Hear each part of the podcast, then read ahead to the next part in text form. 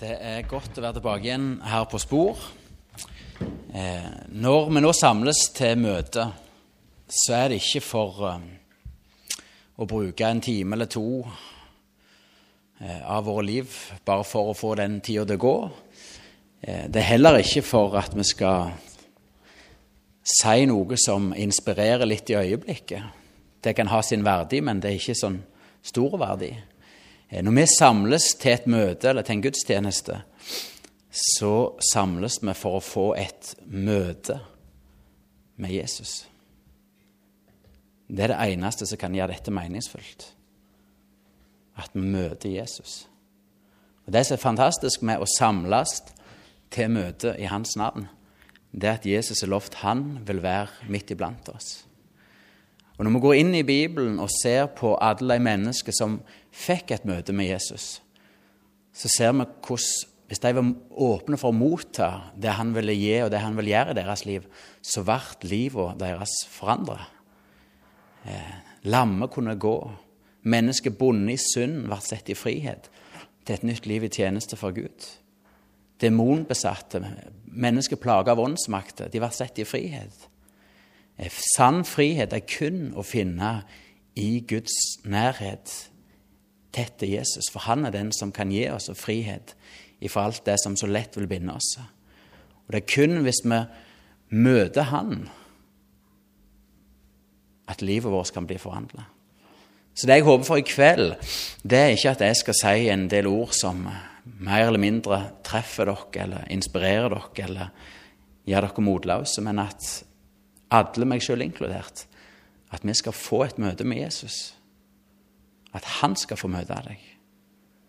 At han skal få møte deg her i fellesskapet, der vi er samla i hans navn. At han skal få møte deg gjennom sitt ord. At det skal være han som taler til deg. Og Hellige Ånd, vi påkaller deg for, for denne samlinga. Om du vil forherlige Jesus, om du vil gjøre han levende og synlig for oss. Om du vil gripe Guds ord og gjøre det til åndens sverd, så det rammer hjertene våre. Vi ber om dette i Jesu navn. Takk, Jesus, for at du lovte å være midt iblant oss. Vi trenger å møte deg. Vi trenger å møte deg, Jesus. Amen.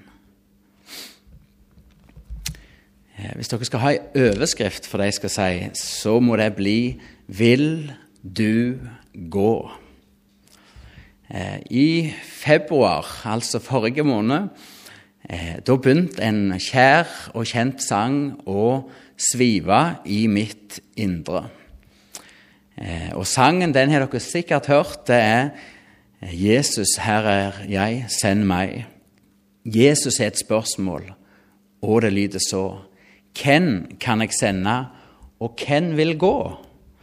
Så spørsmålet til oss alle i kveld, spørsmålet som jeg tror Jesus vil stille til deg, det er vil du gå? Vil du gå der jeg vil sende deg? Det er det Jesus vil spørre oss om i kveld. Vil du gå? Og Vi skal gå inn i Bibelen og høre hva Jesus sier i Lukas kapittel 10 og vers 2 og 3. Og Vi skal stort sett befinne oss der under hele talen. Der leser vi høsten er stor, men arbeiderne få. Be derfor høstens herre sende ut arbeidere for å høste inn grøten hans. Gå av sted, jeg sender dere som lam blant ulver. Eh, det første vi skal merke oss fra disse to versene i Lukas 10, det er at Jesus sier høsten er stor.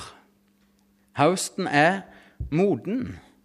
Gud har ei stor avling som han ønsker å berge i hus.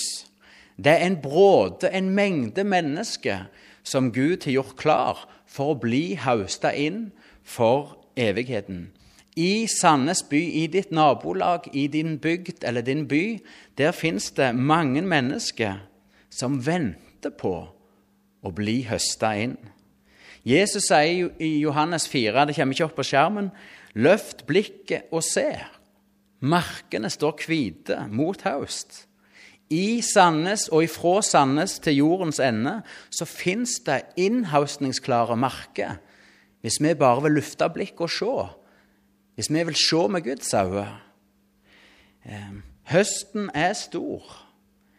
Det er mange mennesker som går og lengter, som venter på at noen skal gå til dem med gledesbudskapet om korset, om den tomme grava, om at det fins en frelse fra Guds vrede, at det fins en ny frihet, at det fins et evig liv i Han, i Jesus. Ingen kan komme til Jesus uten at Faderen drar dem, sier Jesus. Men ingen kan heller få, få, få komme til Jesus uten noen er villige til å gå. Høsten er moden. Det fins så mange mennesker som Gud har et kall over, som lengter etter, som er klar for å motta budskapet om Jesus.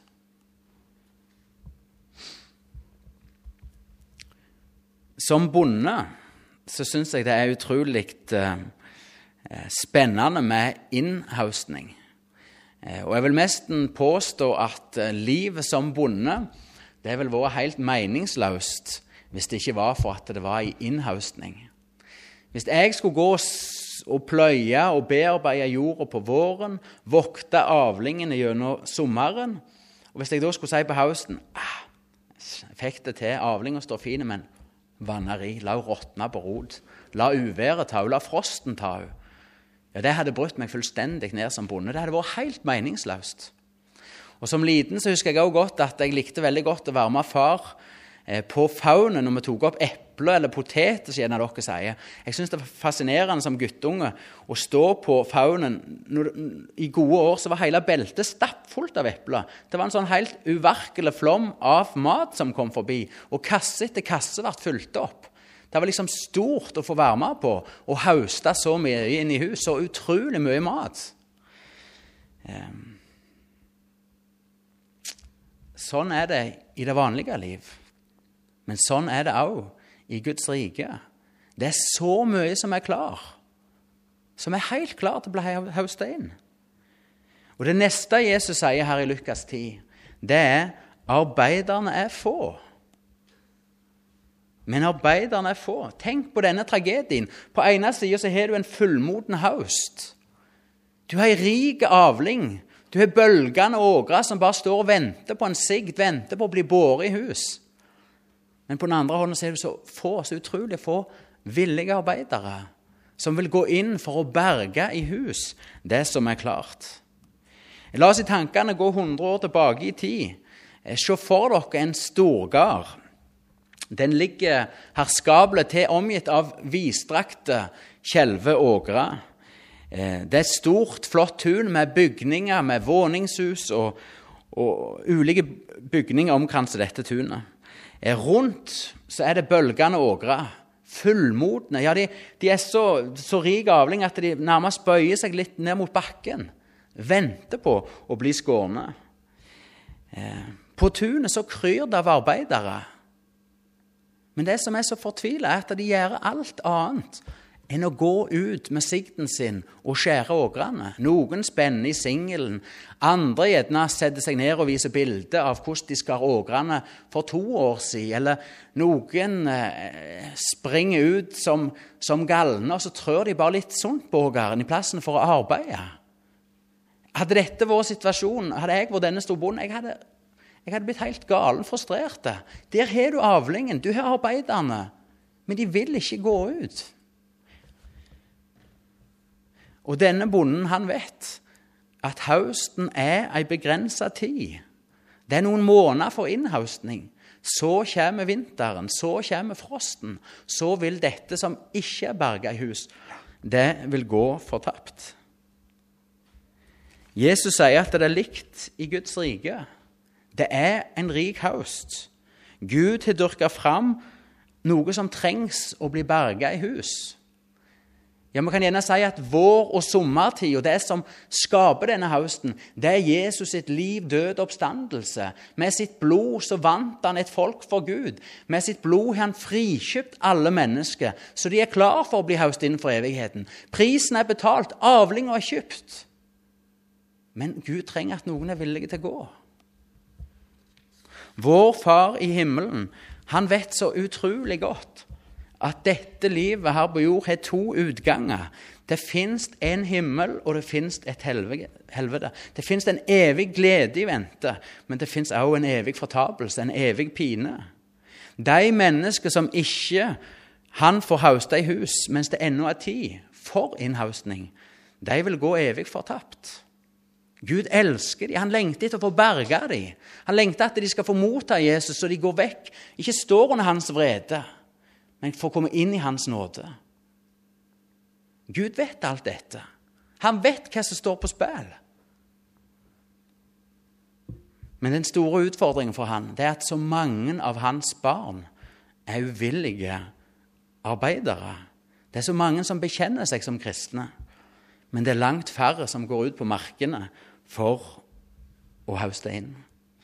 Og Jeg tror Jesus ønsker å stoppe oss i kveld og spør meg og spør deg om dette. Vil du gå? Vil du gå for meg og berge mi avling i hus?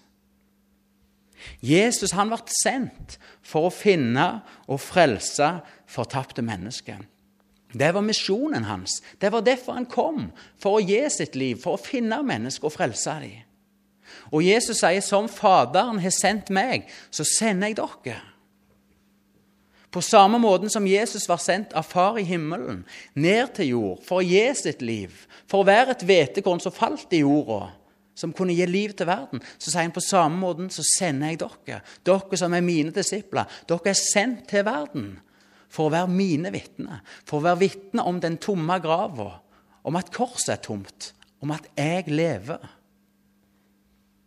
Enhver kristen er kalt til å være et vitne. Jesus sier 'følg meg'. Og Hva skjer med det mennesket som takker ja til dette kallet? Jo, så skal jeg gjøre deg, sier Jesus, til en menneskefisker.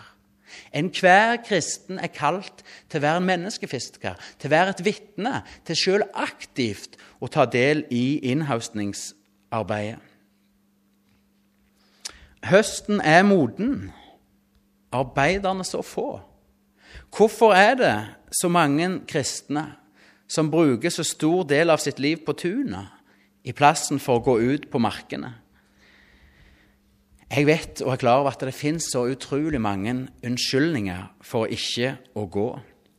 Eh, noen mener at innhaustningsarbeid det er ikke for alle, for vi skal ha forskjellige oppgaver.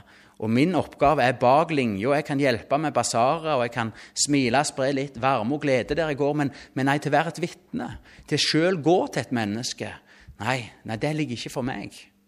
Hva sa Jesus? Følg meg, så vil jeg gjøre deg til en menneskefisker. Hva sa Jesus? Du er mitt vitne. Andre igjen de tenker gjerne at de kan kjøpe seg fri fra innhaustningsarbeid. For de blir fastgivere til gode misjonsprosjekt, og det er flott. Eh, og så tenker de at andre får gjøre jobben. Jeg, eh, jeg, jeg, betaler, og så får andre gå. Jeg skal si deg en ting. Ingen kan kjøpe seg fri fra innhaustningsarbeid i Guds rike. Vi er kalt også til å gi våre penger, men ingen kan kjøpe seg fri for å sjøl være et vitne. Andre igjen hevder at nå har jeg gjort mitt. Eh, kanskje så sto de på i 5, 10, 15, 20 eller 25 år. De kan til og med ha vært med og bygd et bedehus eller en leirplass eller drevet et ungdomsarbeid. Men nå tenker de at nå får yngre krefter overta. Eh, de sier å ha gjort sitt, og nå vil de heller slappe av og nyte livet litt med ektefelle og barnebarn. Skal jeg si dere en ting? Det fins ingen pensjonsalder i Guds rike. Vi blir aldri for gamle til å være en arbeider, for krafta er hans. Han trenger bare villighet, og villighet er ikke begrensa av alder. Høsten er stor. Gud trenger alle. At vi alle er villige til å gå ut på hans åkerland.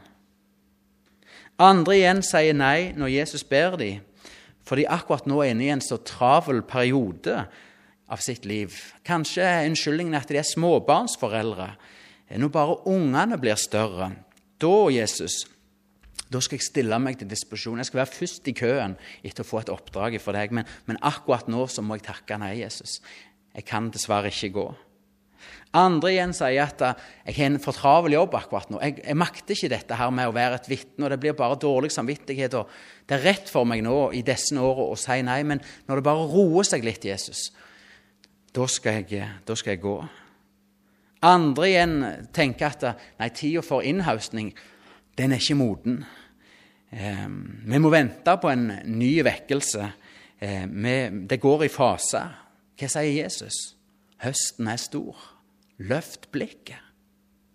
Følg meg, så skal jeg gjøre deg til en menneskefisker.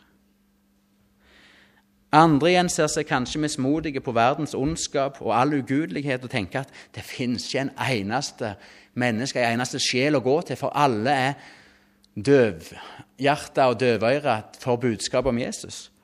Jesus sier høsten er stor. Det er sannhet. Høsten er stor.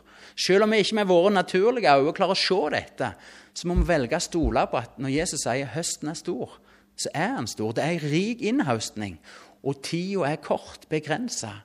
En dag så er tida for innhøstning over. Da er det for seint med alle de menneskene som var klar, som var kjøpt fri i Han. Men det var aldri noen som ville gå til dem. Det neste Jesus sier, etter å ha sagt dette På den ene sida har vi en rik høst, bølgende avlinger, som han vil ha i hus. På andre sida så få villige arbeidere. Det Jesus sier etter å ha presentert denne problemstillingen, det han sier Be høstens herre sende ut arbeidere for å høste inn grøda hans. Som svar på problemet med få arbeidere så sier Jesus be. Be høstens herre om å sende ut arbeidere. Løsningen på dette problemet, det er bønn. Guds høst er Guds høst. Det fins en herre over innhøstninga. Det fins en som må stå bak innhøstninga. Det, det fins en som må kalle og sende mennesker for at det skal bli innhøstning. Det fins en herre over høsten. Jesus peker her på den vei som vi er kalt til å gå. Bønneveien til vår Far i himmelen. Og den vei vi må lære oss å gå i alle livets utfordringer og problem. Bønneveien til Far i himmelen. Arbeidere som bare er skremt ut av mennesket, eller lokket ut til å høste inn i Guds høst, de gjør bare skade. For det er en verden i forskjell på det til å ta sikten i egen hånd og springe ut for å bidra og gjøre sitt, og det til først ha søkt Far i bønn for å bli sendt av Han til en bestemt ågerflekk, til et bestemt menneske. For Han har en plan for innhøstninga. Arbeidere til Guds rike de blir ikke vunnet gjennom stillingsannonser eller lønnsøkning, men nye arbeidere blir drevne ut som svar på bønn. For det er Guds høst. Det er han som organiserer arbeidet på markene. Han er herre over innhøstningen. Av og til er det sånn at vi ser eh, late og kanskje ugudelige arbeidere. Og Da er det veldig lett å hive seg på et kritikerkor å bli med på sladdert og ondt snakk. Eh, langt bedre enn å sitte på gjerdet og kritisere er det å falle på kne og be høstens herre om å sende ut sine arbeidere. Jeg tror det er Ole Hallesby som har sagt at vi får de arbeiderne vi ber om. Er det mennesker vi ber om arbeidere til, til, til kristent arbeid, Søker vi bare menneskelige råd, ja, da får vi menneskelige råd, og vi får arbeidere etter menneskelig forstand. Går vi bønneveien til Far, ja, da er det Han som kaller. Da er det Han som utrøster. Da er det Han som sender. Og det er en verden i forskjell. Vi trenger å be Gud om å sende villige arbeidere ut på markene. Og vi trenger også for våre egne liv å be om at han skal gjøre oss villige, varme og vakne, sånn at vi går der han sender oss. Jeg skal fortelle en liten historie om eh, Asbjørn Aarvik, det er sikkert en mann som en del av dere har hørt om. Han var kinamisjonær for Misjonssambandet, eller Kinamisjonen, som det het en stund. Men, eh, og han eh, skriver, har skrevet mange bøker, og i en bok så skriver han om min mor. Det er en veldig sterk historie. Eh, han mista sin far eh, om han var seks-sju år gammel, og mora det igjen som enke hvis jeg husker rett, med fire barn på et lite småbruk på Sørlandet, på Åvik. Eh, det var karrige forhold, trange økonomiske forhold. De hadde ei ku på gården, og jorda lå ute på en holme en halvtimes rotur fra det huset de bodde i. Og Det denne mora måtte gjøre, så hadde blitt enke.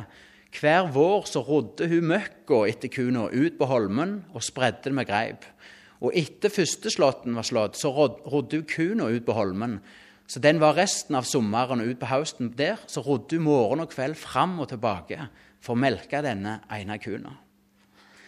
Og Asbjørn forteller det at slitet tok livet av mor. Etter få år som enke så la hun inn årene. Hun døde. Så går det flere år, og Asbjørn er ungdom, og han bor på internatskolen. Og Da sier han at en dag så, så kom Jesus til han. Så ville Jesus ha han i tale. Og han, Den dagen klarte han ikke stå imot Jesus sitt kall, for Jesus sa Asbjørn, jeg trenger at du vil gå. Så kalte Jesus han konkret til misjonstjeneste. Den dagen. Så går han hjem og forteller dette til sin moster, altså søster til mora. Når han forteller det, så begynner hun bare å grine.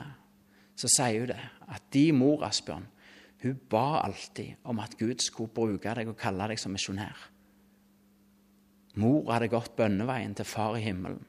Hun hadde aldri sagt dette til Asbjørn, aldri lagt inn over han, men hun visste om en vei å gå. Hun hadde gått til høstens herre. Og Så sier Asbjørn at antagelig fordi min mor ba, så ble jeg misjonær. Vi trenger sjøl, som denne mora til Asbjørn Aavik, å gå bønneveien til Far i himmelen. Og be Han drive, kalle, sende, utruste trofaste arbeidere som er kledd i Hans kraft, og som kan stå tjenesten løpet ut. Og vi trenger sjøl for vår egne del om å gå bønneveien til Far og be om å bli gjort villige og være sendt av Han.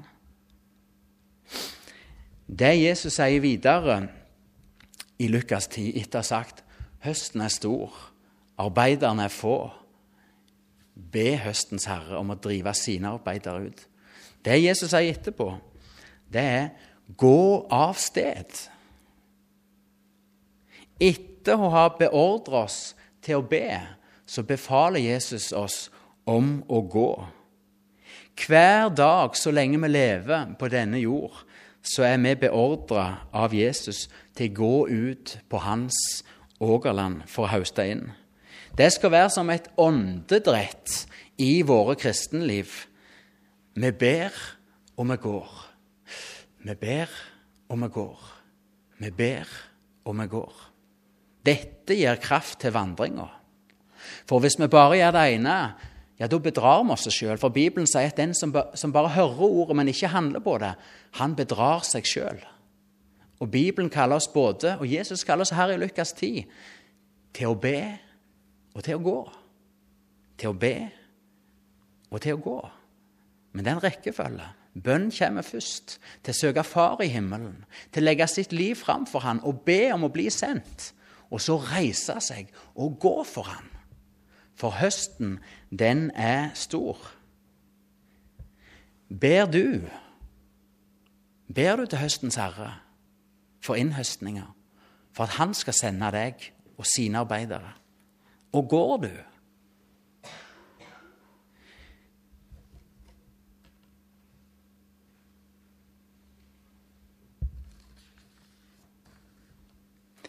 Det Jesus videre sier, det er Jeg sender dere som lam blant ulver.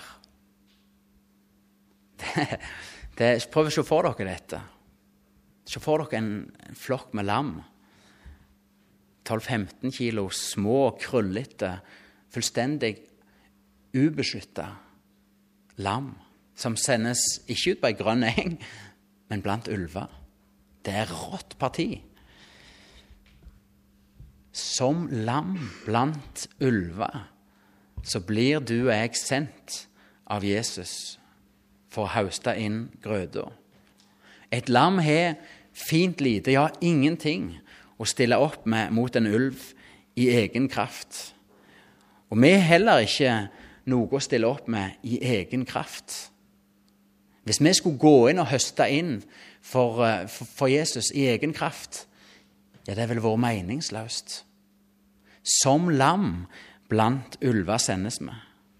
I Guds rike handler det ikke om dine og mine evner og ressurser, men om Guds kraft og Guds ledelse. Lammet kan kun ferdes og være trygg blant ulver når det er i hyrdens varetekt, når det er vokta av hans kjepp og hans stav. Vi kan kun forbli i et innhausningsarbeid når vi er under Jesus sin ledelse, når vi holder oss nær til Han, for da er vi under hans beskyttelse. På egen hånd så vil ulvene lett rive oppdraget ut av våre hender. Og ja, og på egen hånd så vil ulvene lett òg rive troen ifra oss. Vi blir bevart i Guds kraft til den frelse som helt og fullt en dag skal åpenbares. Det er Guds kraft, det er Hans nåde, det er Han som gjør at vi kan leve i troen på Han. Og det er kun ved Guds kraft at vi kan gå ut som vitner. For vi sendes som lam blant ulver.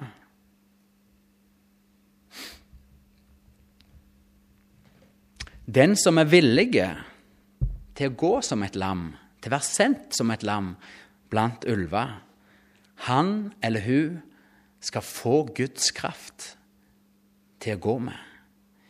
Jesus sier i apostelgjerningene 1,8.: Men dere skal få kraft når Den hellige ånd kommer over dere, og dere skal være mine vitner i Jerusalem og hele Judea, i Samaria og helt til jordens ender. Det er Herrens høst, og det er Hans kraft. Spørsmålet til oss er om vi er villige, om vi er villige til å gå, om vi er villige til å legge ned vårt liv, se Jesus i tjeneste for Han. Høsten er moden, og arbeiderne er få. Hva gjør du? Hvordan har du tenkt å leve ditt liv ifra kveld av? Hva vil du bruke dine dager til? Vil du gå og spenne i grusen på tunet? Vil du bruke den dyrebare, den korte tida som ennå gjenstår av innhaustning, til å drive dank, til å unnskylde deg? Eller vil du hver dag gå bønneveien til far og bli sendt av han ut på innhaustningsklare ågre? Går du i Guds kraft? Eller springer du av gårde og forsøker å arbeide på Guds åkerland i egen kraft? Gjør du det, så svinger du sikten til ingen nytte. For da vil heller den sløve sikten og det kraftløse livet det vil heller skade deg aks du møter.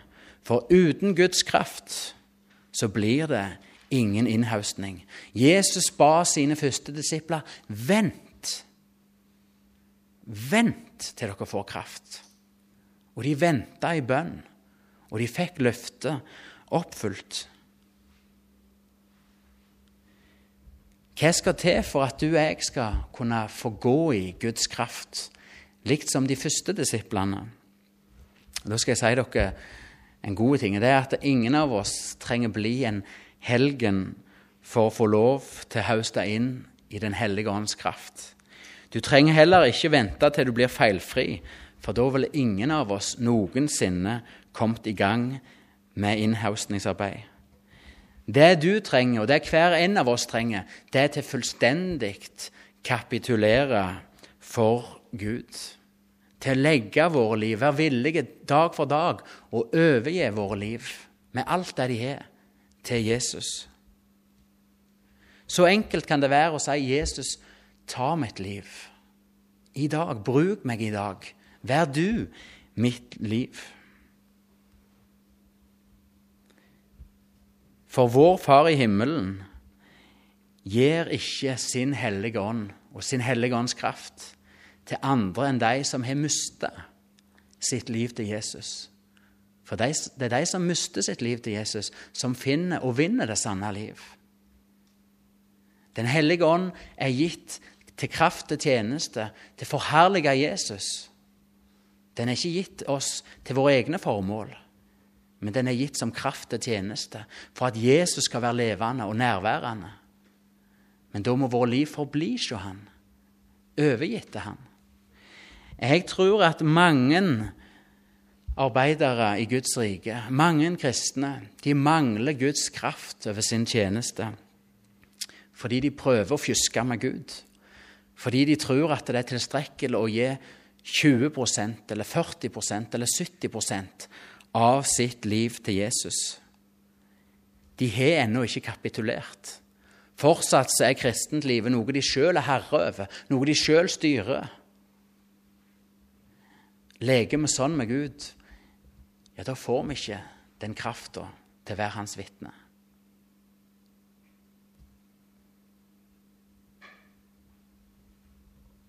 Hvis vi ser på de første disiplene, på Peter, Jakob, Andreas og Johannes, hva gjorde de? Jo, først når Jesus møtte dem og kalte dem og sa 'følg meg', da forlot de alt. De forlot sine båter, sine garn, sine hus, sitt hverdagsliv for å følge Jesus. De var villige til å gi avkall på alt for å følge kongenes konge når han sa 'kom'. De ga sitt alt, de ga sitt liv til Jesus. Og Det var begynnelsen på vandringa, på vandringen på Mesterens vei, i hans fotspor. Fortsettelsen for Peter, Jakob, Johannes og de andre det var at etter tre års vandring, hvor de hadde fått sett et levende eksempel på hva et menneskes liv skulle være i hellighet, i kjærlighet, i sannhet, etter at de hadde fått sett Jesus åpenbare Guds herlighet og makt, jo, da måtte de lære ei annen lekse som alle trenger å lære. Og det er at òg vandringa må være et liv Gud gir. For når Jesus i sin tyngste stund i Getsemane ble arrestert, da flykta alle ifra ham. Og Peter hadde stolt bekjent om så alle andre gjør det, så skal ikke jeg svikte deg. Samtlige disipler de gikk på et stort nederlag i sitt kristenliv, i sin, vandring med Jesus, for de svikta. De makta ikke å følge Jesus. Det som bodde i dem, var ikke i stand til å føre dem på hans vei. Så ser vi Jesus hvordan han møter dem etter oppstandelsen. Så møter han med naglemerka hender, så møter han dem med nåde på ny.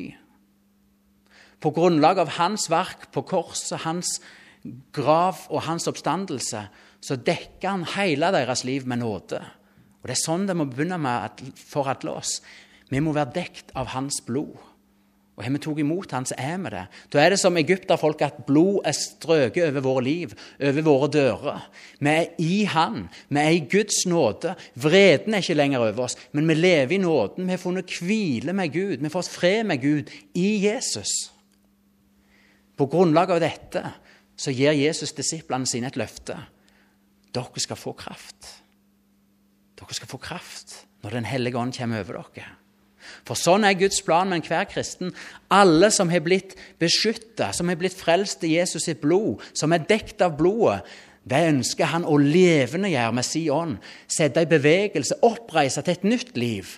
For vi skal få lov til tro og regne oss som begravd med Jesus. Det er et hallelujabudskap med påsken. Vi er døde for synd. Vi er forent med hans død. Men så skal vi også få lov til å tro oss oppreist med Jesus til et oppstandelsesliv, et nytt liv med han, der han lever i oss, der han er vår kraft, vår frimodighet, vår styrke. Forandringen var total med Peter, Jakob, Johannes og de andre når pinsedag kom. Når Jesus tok bolig i deres hjerte, når de holdt ut i bønn på kne for Gud og holdt fast på løftene, så fikk de oppfyllelsen. Og Sånn er det for enhver kristen, enhver som vil holde fast på løftene i Guds ord, som vil leve i bønn og vente på at Gud skal gripe inn. Han vil aldri bli gjort til skamme. For Gud er trofast mot sitt ord. Han som, han som lovte noe, han vil også oppfylle det. Jesus som var offerlammer, han er også den som døyper i Den hellige ånd. Hvis du har tatt din tilflukt i Jesus, ja, da er du dekt av hans blod. Du er i nåden.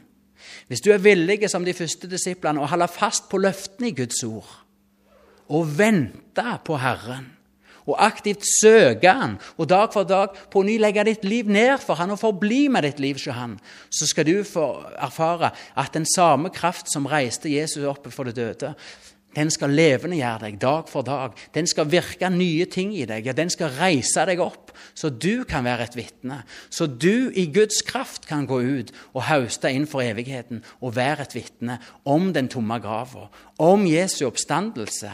Det gir verden håp. Er det noe verden trenger, så er det for å høre om det blodige kors, om blodet som rant, om han som gikk i døden. Selv om det er dårskap i verdens øyne, så er det Guds kraft til frelse. Og det er fortsatt kun budskapet om dette kors, om hans død og hans oppstandelse, som kan frelse mennesket. Vi kan prate om gode liv og bedre liv her og nå, vi kan gjøre mange ting, men det frelser ikke et eneste menneske. Men når Gud får beherske oss, når Han ved sin ånd får levendegjøre oss og reise oss til vitne, da skal vi være vitne i Guds kraft om korset om blodet som rant, om den tomme grava, om det håp vi har i Jesus. Og da skal det bli innhøstning. For høsten er stor. Det fins en bråde mennesker som lengter, som trenger at Guds folk er kledd i hans kraft og går ut som vitne om kors, om grav, om en levende frelser. En frelser som er nær.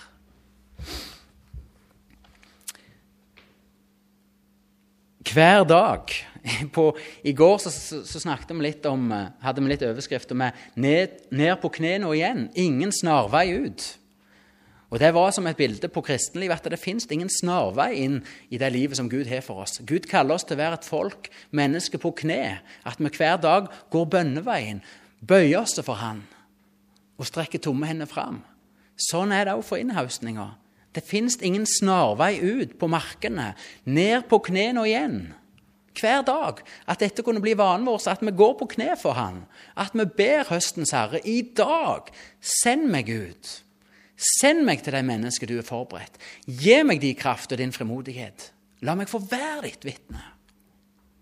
Og så, så, vil sikkert mange av dere også få leve i det samme som meg, at vi kjenner på vår egen tomhet, vår egen kraftløshet på samtaler vi har, muligheter som går forbi oss, så kjenner vi på denne tomheten at det har vært vær og vind, og så ville du så gjerne fått delt et ord om Jesus. Så skal jeg si deg at Sånn er det gjerne det må være for mange av oss. At det begynner med at vi vil kjenne på denne tomheten.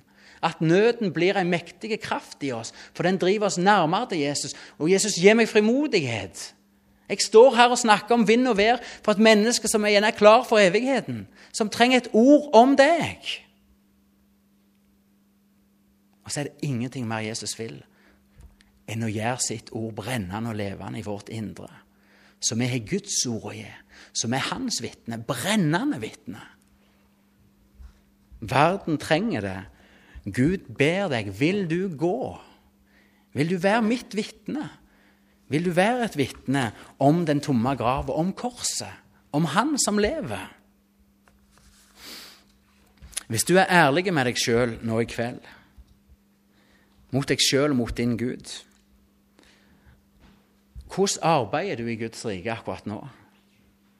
Arbeider du i Den hellige ånds kraft? Er hver dag en dag ned på knærne igjen? Eller er det mer sånn at du spenner grusen på tunet? Eller du kanskje av det springer ut, og så egentlig så tråkker du bare ned modne aks og skader dem? Hvor er du? Hvordan lever du akkurat nå? Det er farlig for oss alle i kristenlivet å bli tilfreds. Det er en farlig plass å være som kristen. At vi er fornøyde med oss sjøl og med vårt liv og vår tjeneste. Ja, vi skal alltid kunne være jublende glade og glede oss over vår frelser og frelsen i Han. Vi skal gå fram med takkesang. Vi skal ikke være et sorgens folk, men et gledens folk.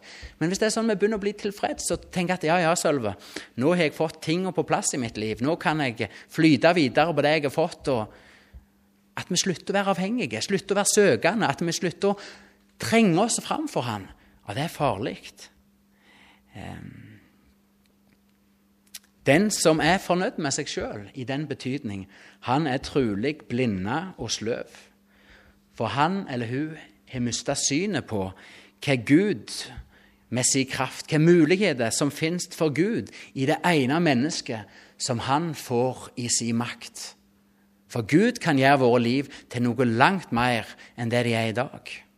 Ikke at vi skal bli supermennesker. Nei, vi forblir de sprukne lærkrukkene. Men hans veldige kraft, den skal få stråle fram.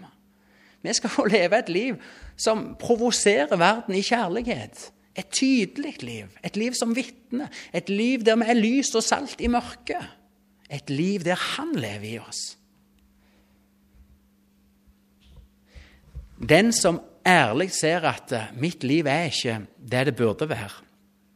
I kveld, gå til Jesus i kveld. Kapituler for hans storhet og for hans godhet.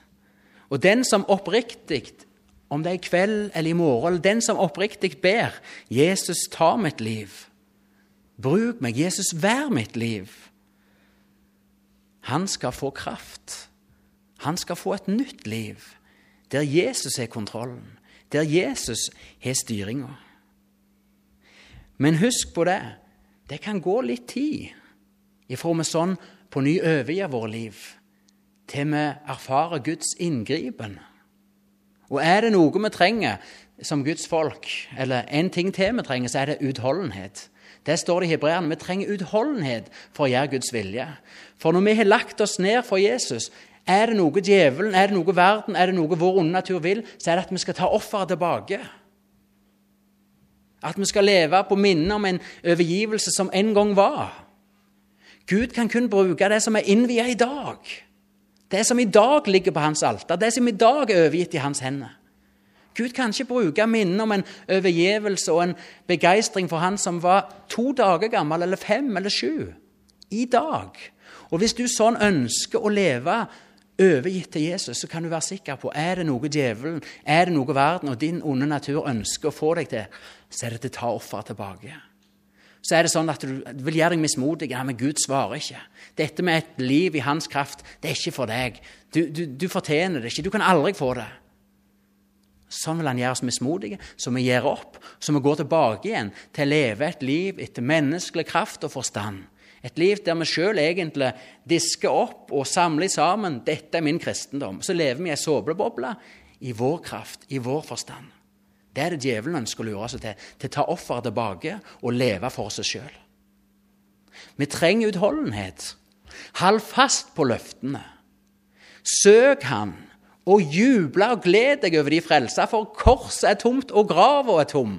Om det skulle gå herifra til evigheten før Gud griper inn på sånn han hadde tenkt, så pris han, for han er god, og bruk de tid, bruk dine evner på å søke han, og vær villig hver dag til å gå med det han gir deg.